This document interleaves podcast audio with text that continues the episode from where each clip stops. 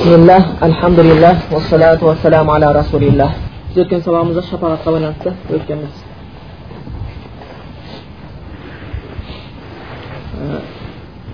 сол шапағаттың ішінде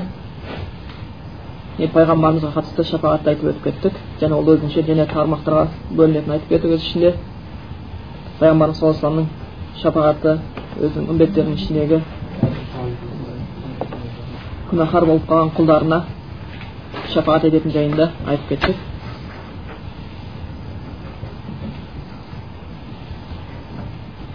және бір сол және оның өзі тармақта бөлінетін біреу сол пайғамбардың шапағатыменен тозаққа кірейін деп тұрған жерден құтылуы мүмкін біреу пайғамбар шапағатыменен ол тозақтан шығару мүмкін және біреу пайғамбар шапағатымен тозақта азабы жеңілдетуі мүмкін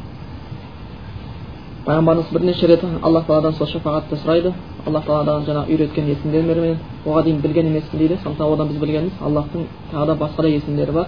осы құран мен сүннетте келгенмен шектеліп қалмайды болмаса бір хадисте айтқан сияқты келеді аллахтың тоқсан тоғыз есімі бар деп келеді ғой сонымен шектеліп қалмайды бұл жай мысал ретінде хадисте келтірген мысалы біреу мен тоқсан тоғыз тиыным бар дейтін болатын болса ол деген сөз одан басқа тиын жоқ деген сөз бермейді басқа да болуы мүмкін сондықтан аллахтың тоқсан тоғыз есімі деп келген. Сол аллахтың көп есімдері бар екен көркем есімдері бар екен. Және одан да басқа есімдер болатыны болатынына осы хадис дәлел. Аллах тағала үйрету арқылы сұрайтын болып келеді. Және кейбіреулердің бұл жаңағы шапағат мұсылмандарға деп келдік иә? Мұсылмандарға болады деп келдік бірақ бір риwayat бар. Кәпірлердің ішінде мүшриктерге шапағат етілген жерінде қатысты болатын. Бірақ онымен олар тозақтан шықпайды бәрі ол мысалға абу лахабқа бір риwayatте келеді пайғамбарымыз шапағат болатыны және сол аптасына бір жолы жеңілдетілетіні ғана азаптың аз тапқан жеңілдетілетіні айтылып береді бірақ одан бәрі ол азаптан құтылып кетті дейді абу талиб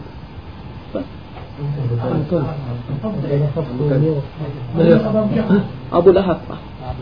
абу лахабқа абу лахабқа бір риwayatте келеді себебі пайғамбарымыз дүниеге келген кезде ол қуанып жеткізген сүйіншін жеткізген құлды күнде азат етіп жіберген бірақ азап жеңілдетілмейді онымен тозақтан шығып кетпейді дейді аллаху енді біз бүгін құдай қаласа ары өтеміз келесі тақырыбымыз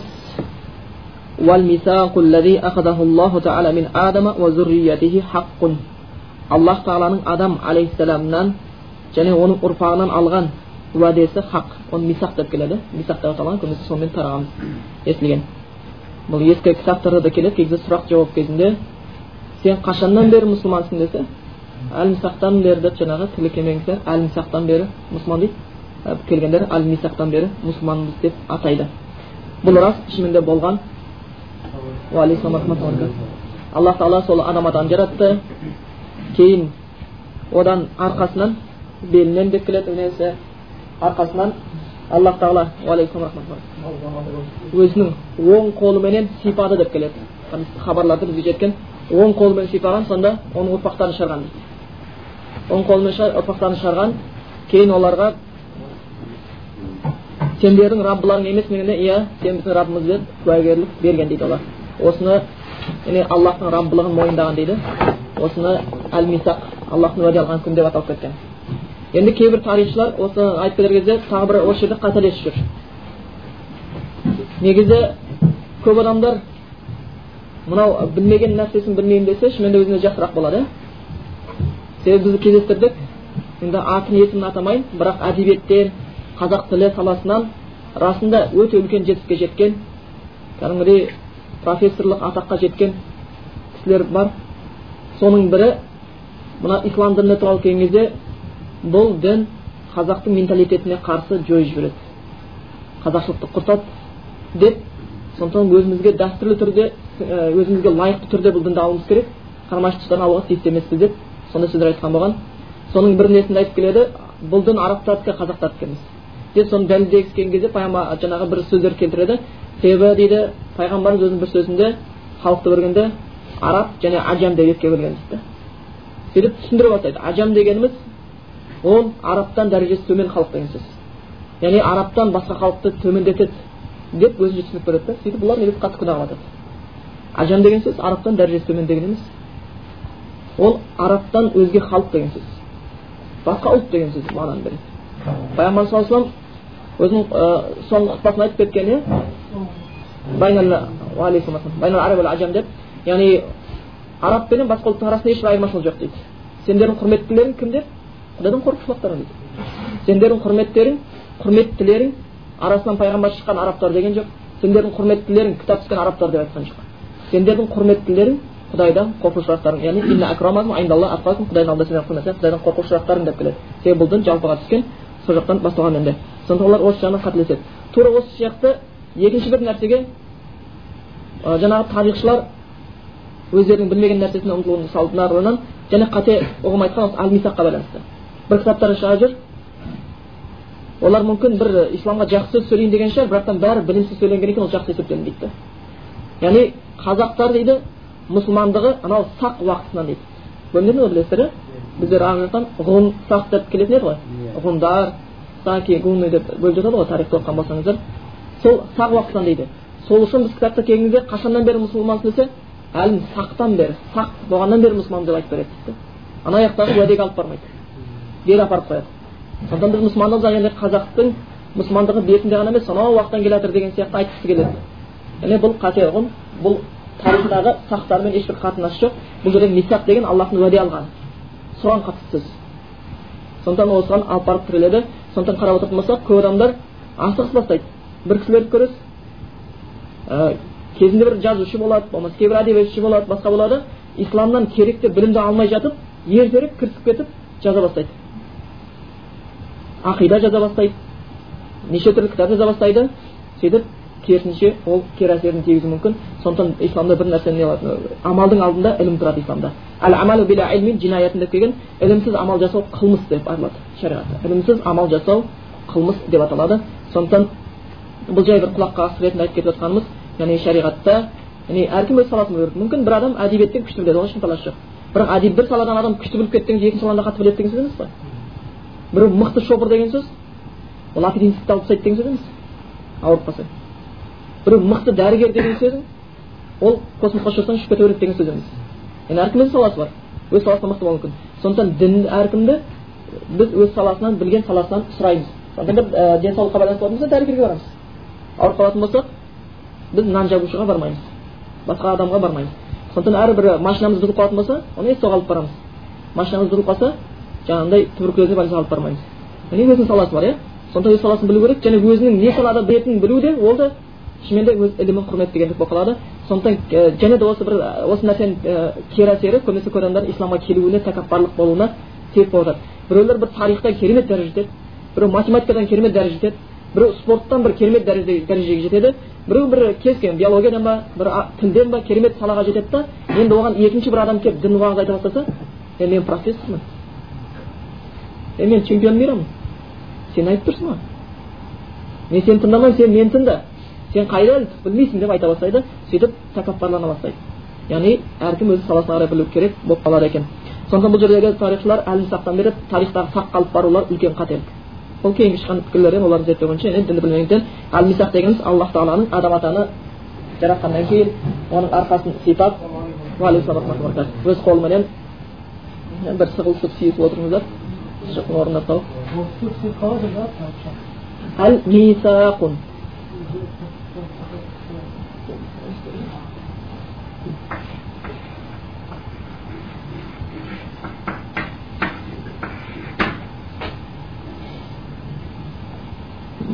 осы аллахтың уәде алған күні деп есептелінеді енді бұл да негізі ғайып істердің қатарына кіреді ғайып істерінің қатарына кіреді екен оның толық суретін бір алла біледі бірақтан негізгі аятқа сүйенетін болсақ бұл осыған қатысты құранда аят бар ағраф сүресінің жүз жетпіс екінші аятында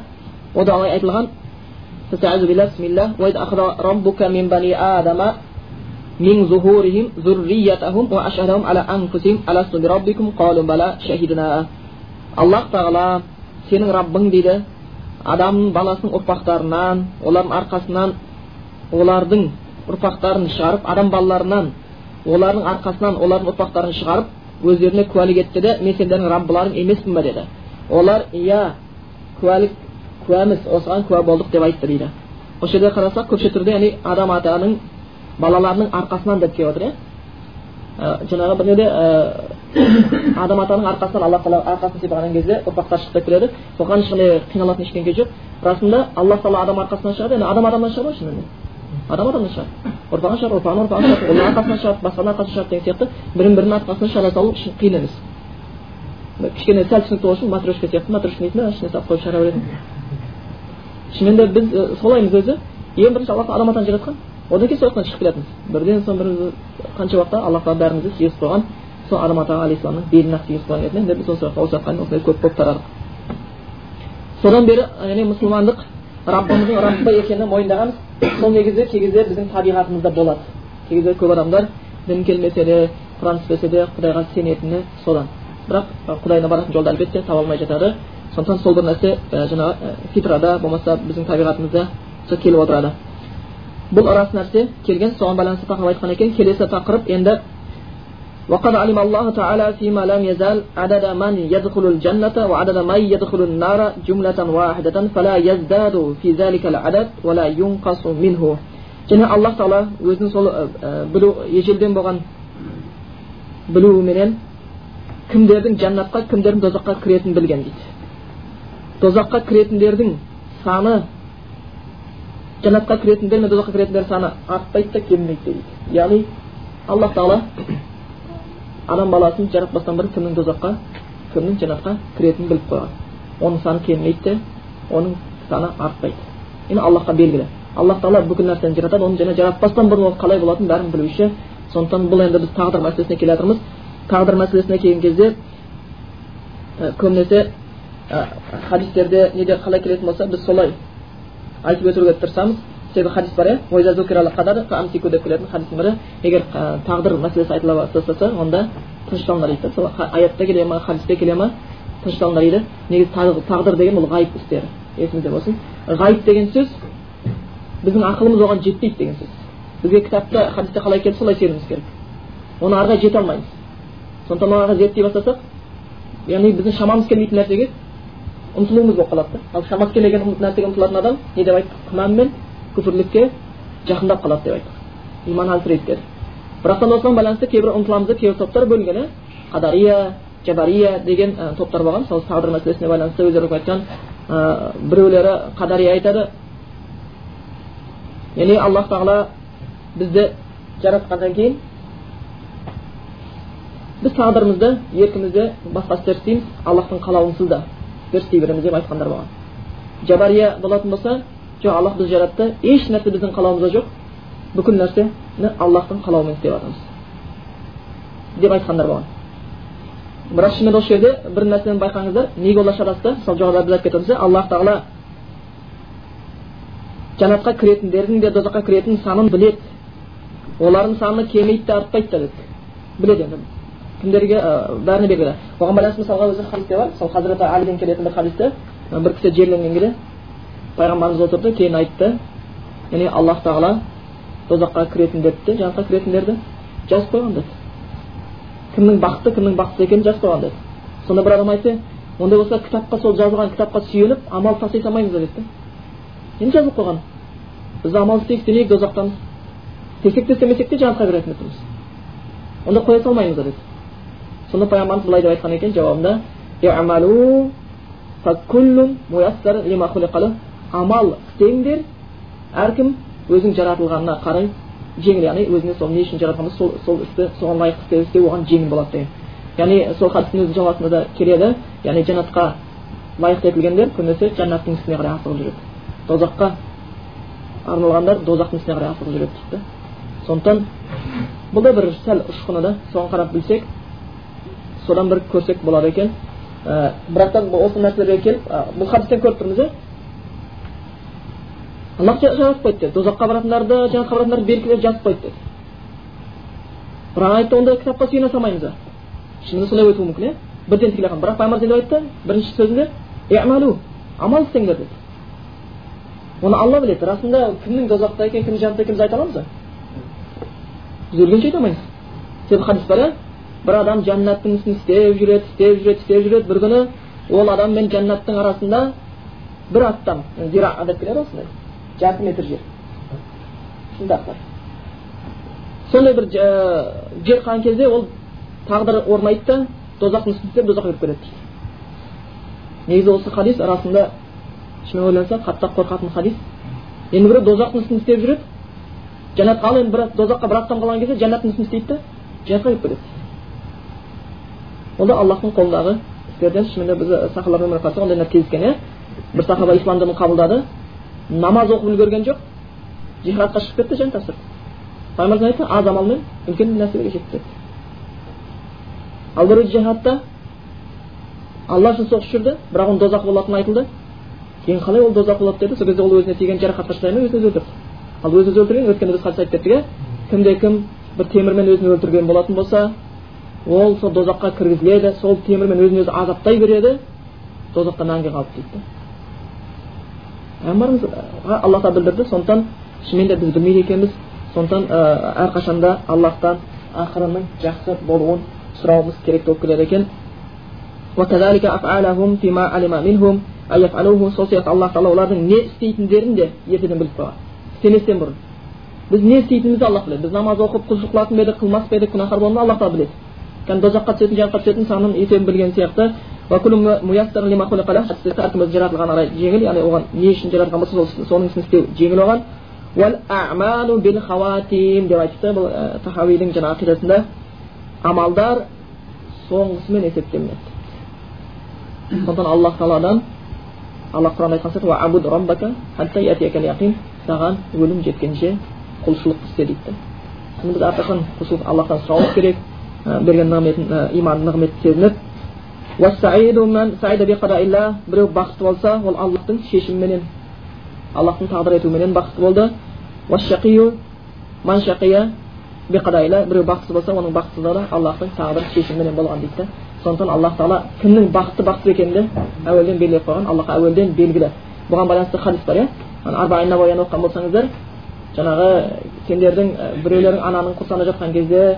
қырық күн жаңағы судан кейін қан болады ет болады келеді кейін алла тағала бір періштені жібереді оған төрт істі бұйырады деп соның ішінде ол бақытты ма бақытсыз ба соны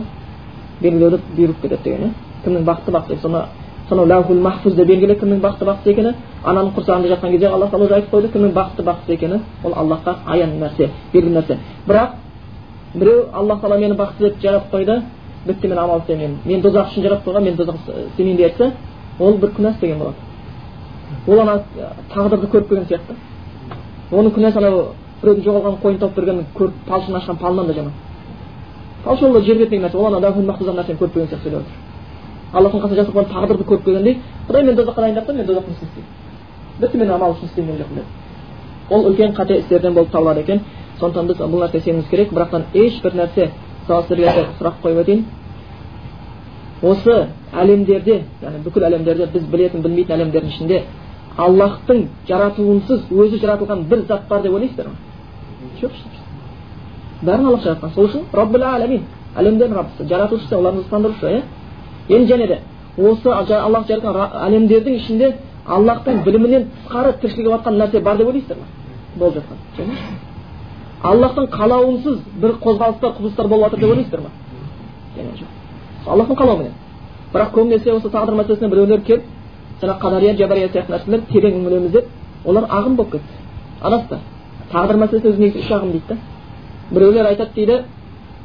бүкіл қалау аллахтың еркінде пендеде ешбір қалау жоқ енді пенде робот сияқты аллах жаратты оны күнә істетіп қойды сөйтіп тозаққа салады пенде ықтияр жоқ жәннатқа баратын шамасы жоқ болмаса тағы бір топ айтады аллах жаратты енді пенделердің істеп жатқан ісіменен қатысы жоқ дейді да. Пенделер бір істе, істеп жатыр аллах қаламаса да істеп жатыр. Біз айтып отырмыз алла бүкіл нәрсе аллахтың қалауы болады пенделер бір істі жаратып жасап жатыр аллах оны жаратпаса да. Енді шынымен де бұл кейінгі кезде ойланатын болса кейбіреудің басы ауырып қалады. Ә, сондықтан тағдыр мәселесіне пайғамбарымыз айтылған кезде тынышталыңдар оны зерттемең деп айтқанда сол үшін болып келеді. Мысалға шынымен де қазір бір сұрақ қойсақ айтайық. Аллах тағала іблисті жаратқан кезде оның ертең аллахтың әміріне қарсы шығып оның құлдарын тура жолдан азғырып тозаққа қарай сілтеуін сілтейтін аллах білмей қалды деп ойлайсыздар ма білді аллах тағала бірақ кей кезде жаман нәрсе болмаса біз жақсылықтың қадірін білмейміз сынақ болмаса бұл сынақ сол үшін аллах тағала басында айтып қойды адам ата хауаны жәннаттан шыққан кезде ненің себебінен іблиске ергендіктен шайтанға ергендіктен аллахқа күнәһар болды да жәннаттан қуылып кетті сондықтан бұл дүниеде де өзі хизбулла хизбу шайтан деп бөлінеді иә құран аятында аллахтың тобы және шайтанның тобы дегендер бар енді кімде кім шайтанның тобына ерген болса шайтан айтқан істеп аллахтың айтқанын істемесе онда адам ата хауананың сол тарихы бізге сабақ үлкен сабақ үлкен сабақ болды онда біз жәннатқа кіре алмаймыз адам ата хауана жәннаттан не үшін қуылды күнә үшін онда күнә болса біз кіре алмаймыз жаңағы күнәсі бару керек кім сау жүрекпен барса ғана соған ғана жақсылық бар ол күні малда дүниеде ешқандай пайда бермейді екен сондықтан егер біз аллахтың әмірін мойынсынсақ онда жәннатта боламыз бұл есептен бұл сабақтар сонда аллах үшін жаратқан сол үшін көп аяттарда аллах тағала түнді жаратты күнді жаратты деп келеді жаңағы жаңағы жақсыны жаратты жаманды жаратты деп келеді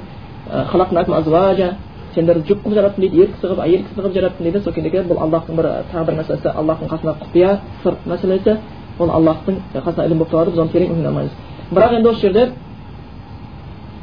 қадариядан болған бір кісі кемеге отырған екен. сол кісі кемеге отырады кейін мажусиден болған тағы бір кісі отырады. Мажуси енді отқа сыйынушылардан иә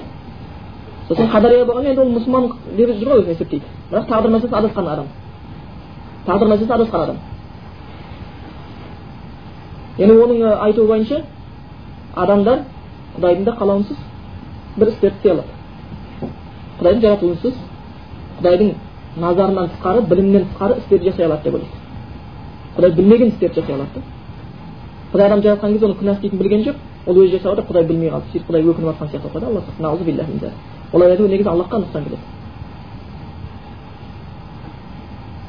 Сондықтан жаңағы сол кемеге мінеді мажуси отқа сиынушы мінеді жаңағы қадария енді ол мұсылман есептейді өзін кейін екеуі кемеге мінген кезде қадари мажусиге айтады да аслим дейді. Мұсылман бол дейді. Анау айтады мажуси алла құдай қалағанша мұсылман боламын құдай қаласа мұсылман дейді қаламаса мұсылман емес дейді құдайдың қалауында дейді сонда қадір айтты аллах қалайды бірақ шайтан қаламай тұр депті сосын сен мұсылман емес болып тұрсың қалай ойлайсыздар дұрыс жауап берді ма аллах тағала оған мұсылман бол деп еді ол айтты жоқ деді аллах қалағанша мұсылман болмаймын деді мен жаңағы қадария яғни соны адасу несіне болған мұсылман енді аллах тағала қалайды деді сен мұсылман бол бірақ шайтан қаламайды сонда мажуси не деп жауап бергенін білесіздер ма аллах қалап тұр шайтан қалап тұр деді да анама ақуахума деді да мен қайсы жеңсе кімнің қалауы жеңсе сонымен біргемін деді да сонда шайтанның қалауы аллахтың қалауынан күшті болып кеткен болып тұрады да кәпір болып тұрғанбыз аллах та қалап тұр шайтан да қалап тұр екен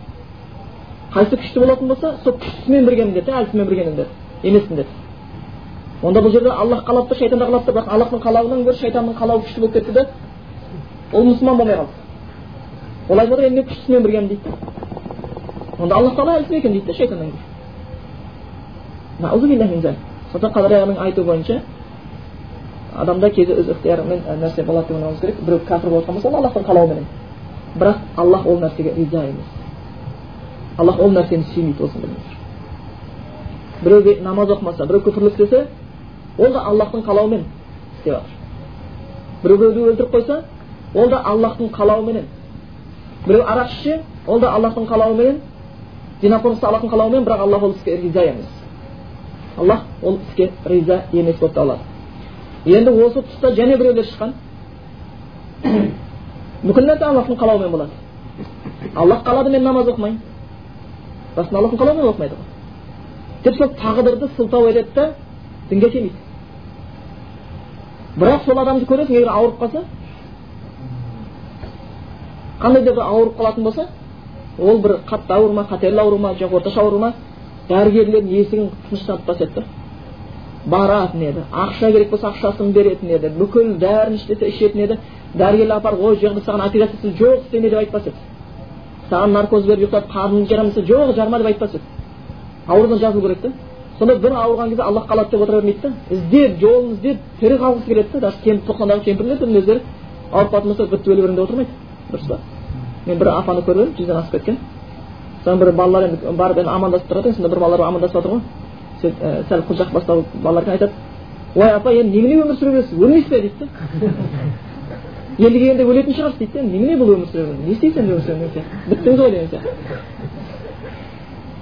Бүгін ертең өлетін сияқтысыз деп айтқан ғой. Сөйтсе кемпір жылап жіберді да өліскен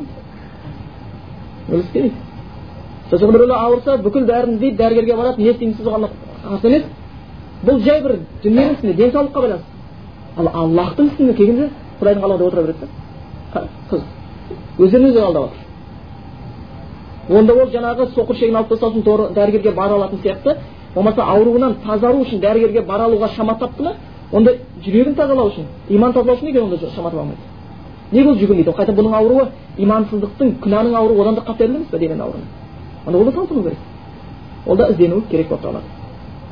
бұл тұста хазірет омардың кезінде бір ұры ұрлық істейді кейін ұсталынады кейін хазірет омар әмір етеді оның қолы шабылатын болады сонда жаңағы ұры тағдырды ете бастайды да бүкіл нәрсе аллахтың қалауымен болады аллахтың қалауысыз еш нәрсе болмайды өзінің күнәсін жақсы қия отыра аллахқа апарып бүкіл нәрсе аллахтың қалауымен болады аллахтың қалауынсыз еш нәрсе болмайды сонда мен ұрлық істеп қойдым аллахтың қалауыменен сіз неге менің қолымды шабасыз аллахтың қалауымен істедім мен өзім істеген жоқпын хазірет омар айтады иә дейді біз де аллахтың қалауымен қол шауып жатырмыз біз де аллахтың қалауымен қол шауып жатырмыз аллах қаламаса шаба алмас еді оларды сондықтан шынымен де кім тозаққа баратыны кім жәннатқа кіретіні аллахқа ежелден белгілі кімнің не іс істейтіні де аллах тағалаға ежелден белгілі істерден болып табылады кімнің бақытты және кімнің бақытсыз екені де аллах тағалаға ежелден белгілі сондықтан біз ол нәрсеге сенуіміз керек сондықтан имандағы парыздың бірі не келеді мен алла тағала деп келтіреміз иә аллахқа періштелеріне кітабына ақырет күніне сенеміз екен сонда не айтамыз тағдырдың жақсысы да жаманына аллахтан да сенеміз бүкіл жақсы нәрсе аллахтың қалауымен болып жаман нәрсе аллахтың қалауынсыз болып десек онда аллахтың қалауын өтіп қоямыз бірақ күнә істер олар да аллахтың қалауымен болады егер аллах қаламас еді онда ешкім ешкімге зиян бере алмас еді ешкім күнә істей алмас еді аллах қаламай қойса қанша ұры бар иә біреу адамды өлтіремін деп келе жатады аллах қаламай қойса өлтіре алмай егер ол аллах қаласын қаламасын өлтіре беретін болса онда істей беретін еді өлтіріп барып кете береді оны ешкім тоспас еді қанша қазір мемлекеттер бар өзінің шектен шыққан жауыздығының арқасында басқаларды қырып салғысы келеді мысалға кезінде шыққан гитлер деп ойлады әлемді жалғыз билегісі келді басқа халықты тек неміс халқы ең жоғары халық деп есептеді енді кішкене нацизм қатты күшейіп кеткеннен кейін сөйтсе бір халықты мүлдем жойып жібергісі келді олар оған лайықты болды және әлемді бір халық қана билеу керек деді тәртіпке келтіру үшін сөйтіп араб обезьяны анаусы мынандай мынау мынандай деп әрқайсысына сипат берді бірақ аллахтың қалауы болған жоқ ештеңе істей алған жоқ кейін өз бастары өздері аман алып қалу қиынырақ болып қалды сондықтан шынымен де бүкіл нәрсе аллахтың қалауы бұдан шықпайды пендеде ешбір қалауы жоқ деген сөз бұны кейін ибн осайминнің несінен өтерміз тағдыр мәселесінде жаңағы мүмкін өздеріңіз қажетті болған білуге қажетті болған төрт бір дәреже бар жаңағы аллах біліп жаратады деген сияқты жаратумен жазумен болады деген сияқты қалаумен болады деген сияқты мәселелерде сосын және де бір неде келеді хикаяда омар ибн убейд деген бір кісі болған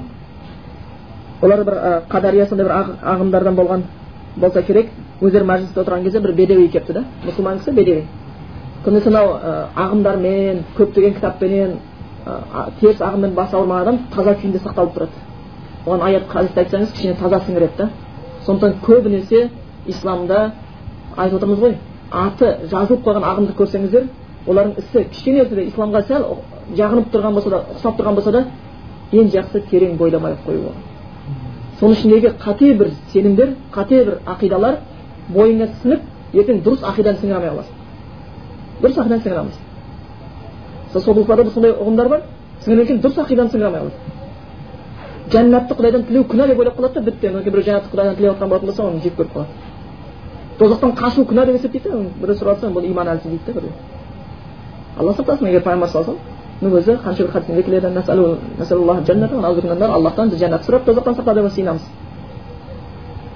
енді біреу дозақтан сақта жәннатыңа жеткіз деп жатқан болса иман деп айтады да алла сақтасын кімдерге оның сөзі тиіп кететінін білмей қалады және оны қате деп ойламайды неге ылғи сол нәрсемен жүре берген екен адам байқай қалады сол нәрсе сіңіп кетеді бойына сондықтан қате ұғымдарға терең бойламауға ұсынады. Көбінесе таза бір кең кітаптарды келу келеді ақылың жеткен нәрсені түсініп жетпеген нәрсені білушілерден сұрап сол жаңағы дұрыс түсінікте болған сол ұстануға бұйырады екен.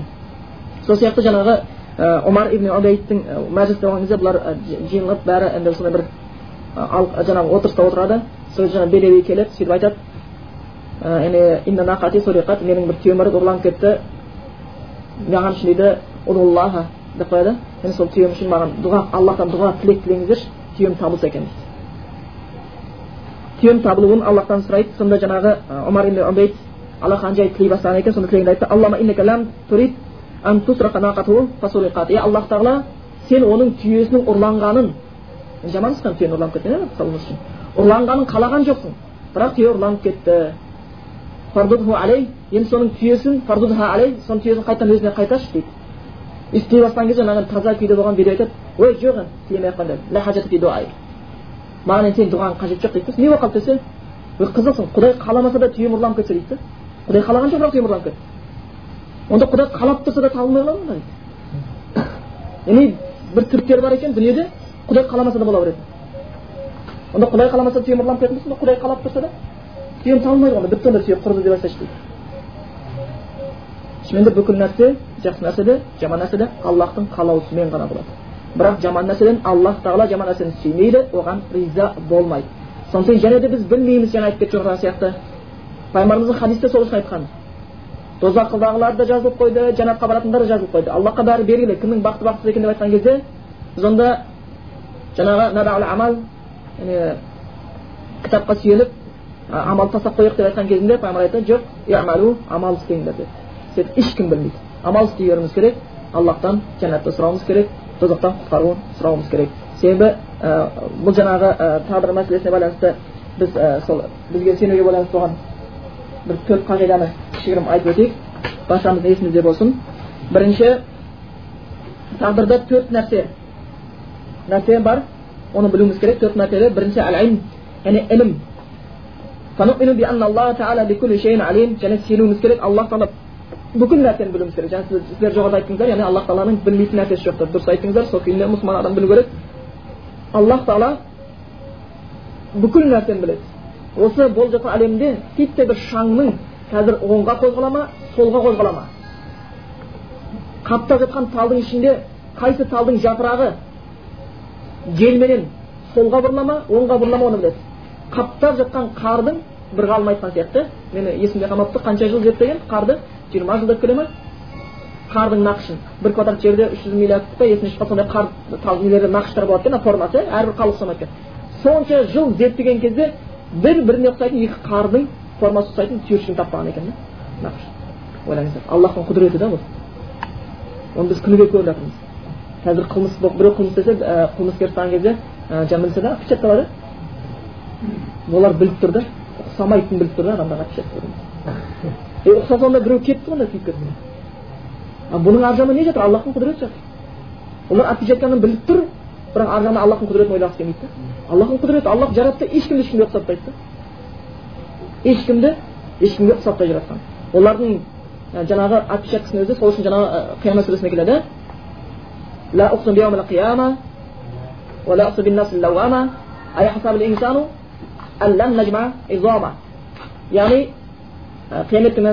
жаңағы ант етіледі аллах тағала ант етемін дейді және де сонда өзіне сөгуші нәрсені ант етемін дейді адам баласы оның сүйегін жинай алмайды деп ойлай ма дейді жоқ біз құдіретіміз жетеді тіпті оның саусақтарының ұшында жинап алуға дейді қараңыздар оның сүйегін жинап алуға деп айта салған жоқ алла саусағының ұшында дейді да саусағының ұшын өзі ұқсамай қалған қазір және жаңадан да таможнялар нелерде не шықты? Көзді зерттеу шықты.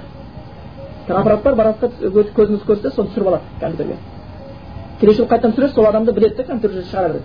бұл дегеніміз адамның көзі көзіне ұқсамайды да. Қарасаң біз айтамыз сары көз екен көк көз әкесіне ұқсайды екен көзі шешесіне ұқсайды екен. Бірақ ұқсамайтын екен бұның бәрі аллах тағаланың құдіретіне дәлел бұдан кейін аллахты жоқ деу өте үлкен күнә болып табылады оңға қарасаң да аллах тағала солға қарасаң да аллах тағаланың құдіретін барыңдар деп тұр үстіңе қара артыңа қара алдыңа қара артыңа қара бәрі алла тағаланың құдіретін таниды тек соқыр болу керек аллахты сенбеу үшін. Сондықтан бүкіл нәрсені аллах тағала біледі деп сенеміз біз тағдыр мәселесінде. Аллахтың білмейтін нәрсесі жоқ. Аллах тағала не нәрсенің болғанын және болатынын және болса қалай болатынын ежелден біледі. Біз адамға ондай тән иә адам бір нәрсе болмайынша білмейміз өзіміздің ең жақсы көретін баламыз анасының бойында жатқан кезде де ұл ма қыз ба екенін білмейміз барып түсірмейінше түсірген кезде де білмей жатамыз иә жерде ұл бола ма қыз бола ма жаңа ол әкесіне ұқсап ұқсап туа ма шешесіне ұқсап тұра ма оны да білмейміз туған кезде де айта алмаймыз әкесіне ұқсайды шешесіне ұқсайды дейміз өскенше ал аллах тағаланың білмейтін нәрсесі жоқ ол болмай тұрып нәрсенің бәрін біледі болғаннан кейін қандай болады ол қандай болатынын бәрін алла тағала біледі және білуіміз керек аллах тағала бүкіл нәрсені біледі тағдыр мәселесінде аллах тағала бүкіл нәрсені біледі білмейтін нәрсесі жоқ яғни бір істі істер жасалып пенде аллах білмей қалған еді деп айтуға болмайды біреу бір адамды өлтіріп қойды адам аллах оны білмей қалды айта алмайды сонда бізде бір сөз бар иә ой ажалынан бұрын өліп кетті күнәсіз не күнәсіз алла тағала тағдырына жазып қойып еді ол тағдырына жетпей өліп қалды бірақ аллахтан да күшті біреу бар екен өлтіріп кетті жоқ аллахтың қалауыменен аллахтың қалауыменен сондықтан аллах біледі кімнің қанша өмір сүретінін кімнің қанша рызқысы да ғұмыры да бәрі жазылып қойған лаухул махфузда аллахтың ілімінен тысқары нәрсе жоқ деп білуіміз керек оның ілімінен яғни аллахтың білмей қалатын нәрсесі жоқ аллахта ұмыту деген нәрсе және жоқ аллахта ұмыту деген нәрсе жоқ адам ұмытады жаңағы жоғарыда әл мисақ мәселесінде біз қазір мысалға әл мисақ расында уәде алған аллахтың рас бәріміз иә раббымызсың деп айтқанбыз ол рас ол біздің қалдырған аятымызда бірақ білеміз ба қазір айта аламыз ба қазір біз әл емес бетіндегі кеше дүниеге шыр етіп түскен кезде анамыз ой айналып кетейін деп қаңқан денемізді құшақтап ең алғашқы рет өзінің кеудесіне емізген кезде біле аламыз айта аламыз ба айта алмаймыз. Ой анау мені доктор аяғымды сындырып жібереді суырып алды оңбаған деп қазір. Қазір есімізге түсіре аламыз ба жоқ түсіре алмаймыз. Тіпті доктор шығарады да аяғыңа не қолыңа жаңағы не жазып қояды? Атыңды фамилияңды кім баласы екенін жазып қояды. Жазбаса онда біреудің баласын алып кетіп қаламыз біз оны білмек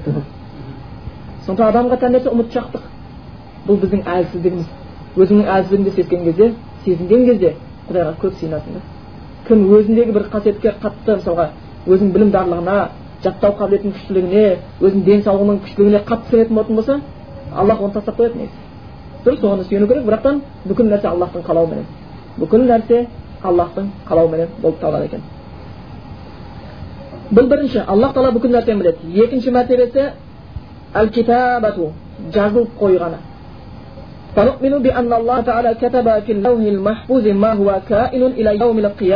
біз яғни нақты сенеміз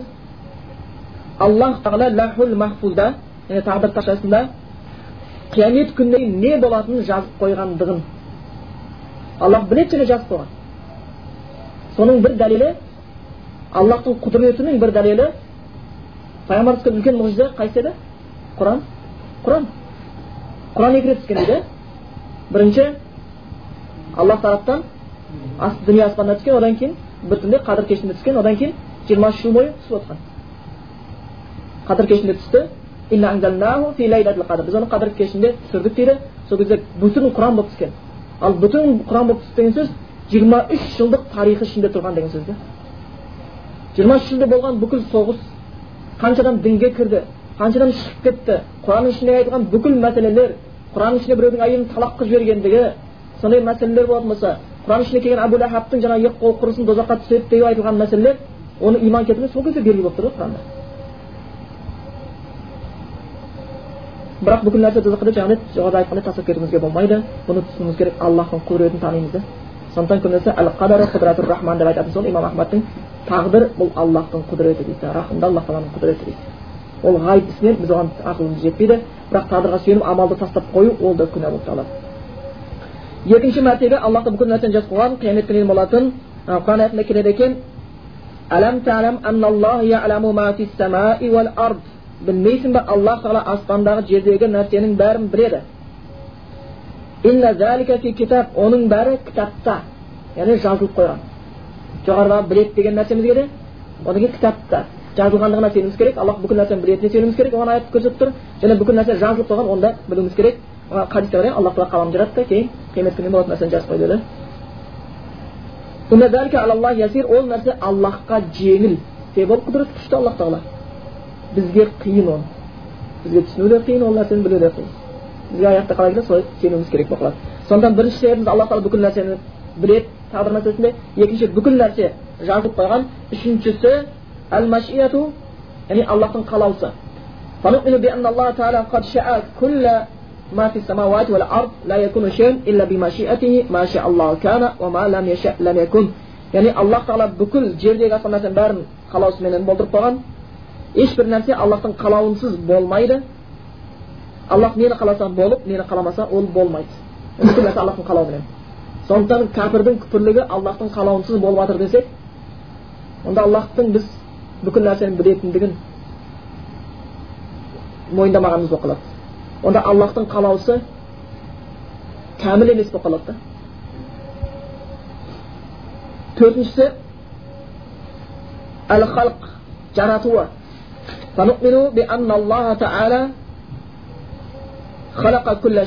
сенуіміз керек құранда айтқан сияқты аллах тағала бүкіл нәрсені жаратқан біздің істейін деп жатқан жақсы амалымызды соны жаратты біз істеп жатырмыз күнәһарымыз істеп жатқан күнә ісін де жаратып қойған оны істеп жатыр وهو على كل شيء وكيل يعني خلق كل شيء الله بكل نفس جربته وهو